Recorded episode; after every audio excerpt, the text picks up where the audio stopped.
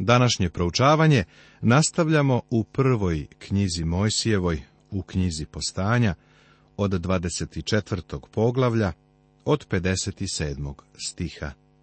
Govorimo o tome kako je Reveka odlučila da krene za Isaka. Tada rekoše da zovemo devojku i upitamo šta ona veli. Došli smo do ovog vrlo važnog momenta – koji smatram divnim, nemoj da ga propustiš. I dozvaše Reveku i rekoše joj, hoćeš li ići s ovim čovekom? A ona odgovori, hoću. Da još jednom pogledamo ovaj prizor. Ovo je orijentalna slika, smeštena tamo negde, na početku vremena, na neki način u osvit čovečanstva iako sam uveren da je čovek na ovoj zemlji bio već u to vreme hiljadama godina, barem što se nas tiče, ovo se dogodilo negde pre 4000 godina. Ova porodica ugošćava posetioca, stranca, primaju ga kraljevski. Nahranili su njegove kamile i pobrinuli se za sluge.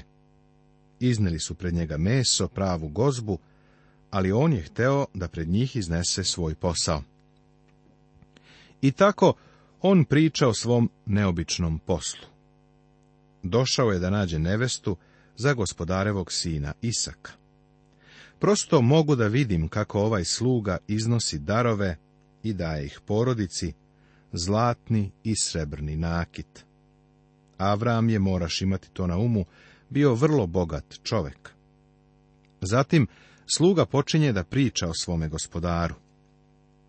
Dok govori, Vidim kako porodica seda u krug oko vatre, a tamo pozadi vidim kako iza ostalih stoji divna devojka sa tamno braun očima i pažljivo sluša. Čuje kako sluga priča o Avramu i o tome kako je Isak rođen. Sluga zatim govori o čudesnom Isakovom rođenju i o njegovom životu. Zatim priča o danu kada ga je otac odveo gore na brdo Moriju da ga prinese kao žrtvu i kako ga je Bog poštedeo i nije hteo da mu oduzme život, nego ga je živog vratio ocu. I konačno priča o tome kako je otac poslao njega slugu da nađe mladu za Isaka. Oni ne žele mladu za Isaka između Hananeja, njima je potreba neko srodan, neko sa istom sposobnošću za živoga Boga, neko ko je nanovo rođen Božjom rečju. On traži nevestu. A Rebeka sve vreme sluša. Sada se okreću ka njoj. Sve do sada niko na nju nije obraćao mnogo pažnje, ali su sada sve oči uprte u nju i kažu, Rebeka, šta misliš?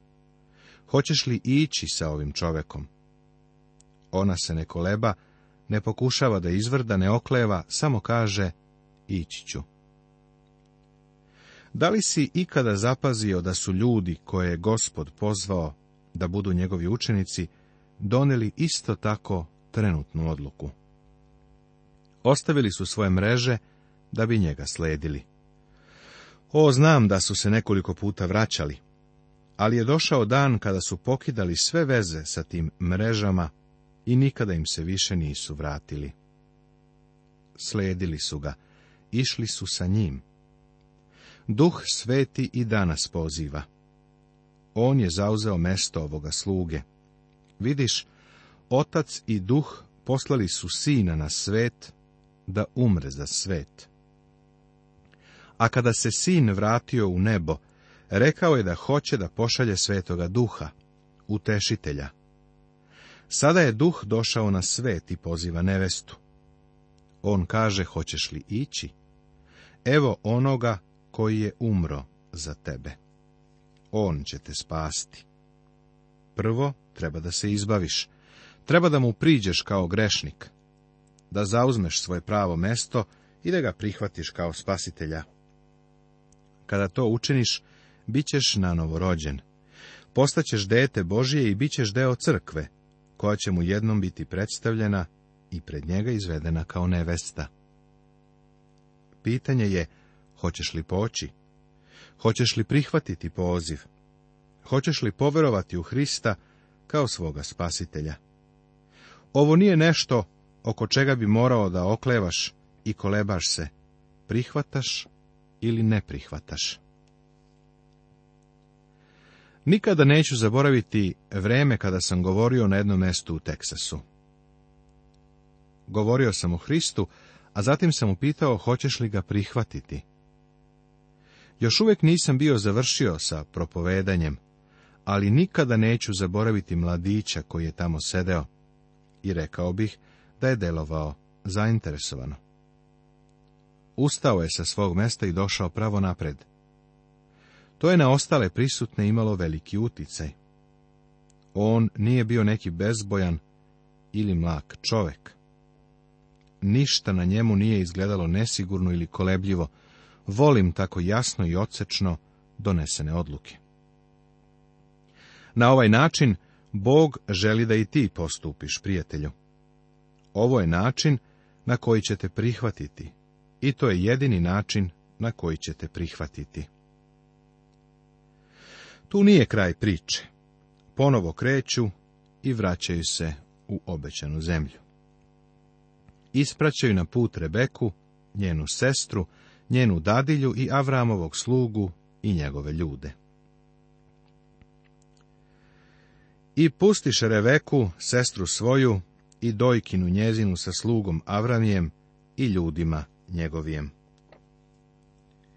I blagosloviše Reveku i rekoše joj, sestro naša, da se namnožiš na tisuće tisuća i seme tvoje da nasledi vrata svojih neprijatelja ovo proroštvo se već ispunilo. Ovde ne govorimo o neispunjenom, nego o ispunjenom proroštvu. Sluga i Rebeka kreću na dug put. I podiže se Rebeka s devojkama svojim i posedaše na kamile i pođaše sa čovekom i sluga uze Rebeku otide. Bio je to dug povratak. O ovom putovanju ništa ne piše ali znam da nije lako jahati Kamilu. Jednom sam jahao iz malog sela izvan Kajra pa do piramida, i to je toliko udaljeno koliko sam želeo da jašem Kamilu. Zovu ih pustinske lađe. Pa bio je to put surov, kao bilo koje putovanje brodom. Kamile nije lako jahati. Zamisli kako ih je jahati preko pustinje. Zamišljam ih nakon napornog dana u vreloj pustinji. Uveče zastaju pored oaze, pale logorsku vatru i večeraju. Dok tako sede, pre nego što odu na spavanje, čujem kako Rebeka govori ovom slugi. Ponovo mi pričaj o Isaku. A sluga kaže, o čemu hoćeš da ti pričam? Ona odgovara, pričaj mi o tome kako je rođen. Pričaj mi kako ga je otac prineo kao žrtvu na oltar. Ovo je bilo nalik na jednu našu staru pesmu, Pričaj mi tu staru, staru priču o Isusu i njegovoj ljubavi. A sluga odgovara, pa sinoć sam ti pričao, a Rebeka uzvraća, znam, ali opet mi pričaj, opet pričaj. I tako sluga priča iz početka. Ovo nikada ne zastareva. Te noći je Rebeka slatko spavala sanjajući momenat kada će se susresti sa njim. Sljedećeg dana ponovo kreću na put, a pustinja više nije tako vrela i Kamila nije tako neudobna. Ali dug je to put, pa oni nastavljaju sve dok konačno na vidiku ne spaze obećanu zemlju. Ulaze u nju i dolaze u Lahajroj, studenac živog koji me vidi. A Isak iđaše vraćajući se od studenca živoga koji me vidi, jer življaše u južnom kraju.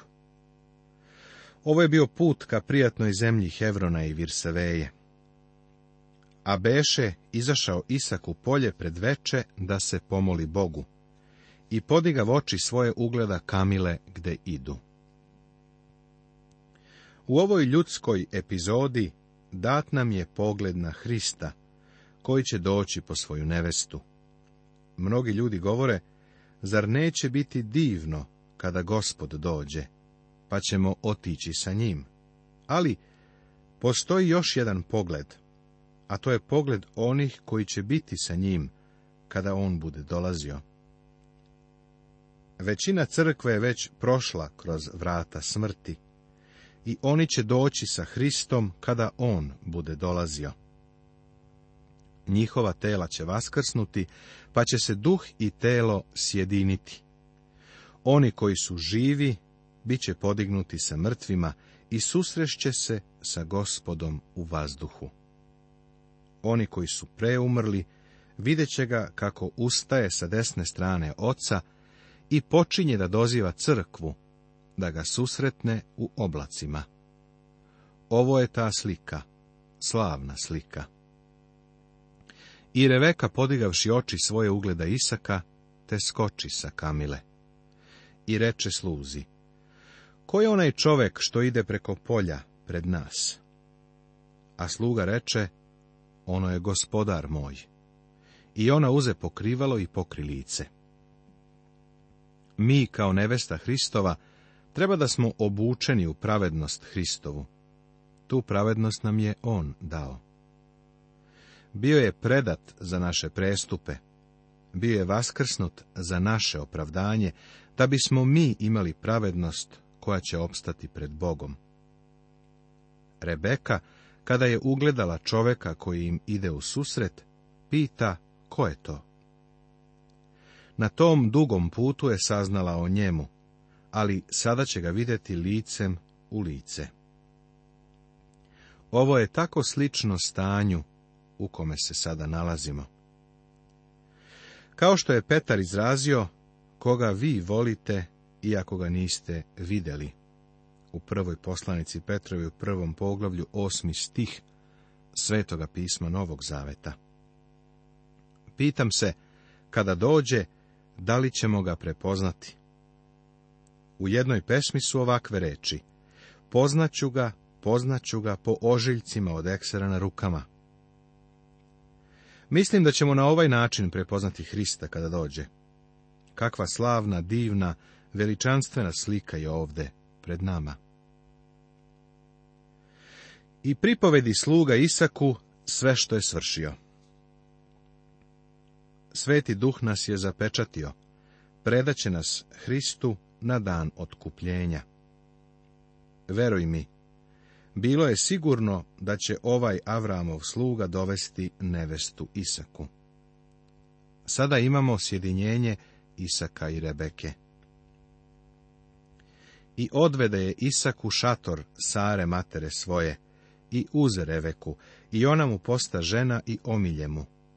I Isak se uteši za materom svojom. I omile mu, ili voleo ju je. Hristos je voleo crkvu i dao se za nju. I Isak se uteši za materom svojom. Ovo nam otkriva da Hristu mnogo znači naše spasenje. On nas želi, čezne za nama. O, voljeni moj samo da mu budemo verni.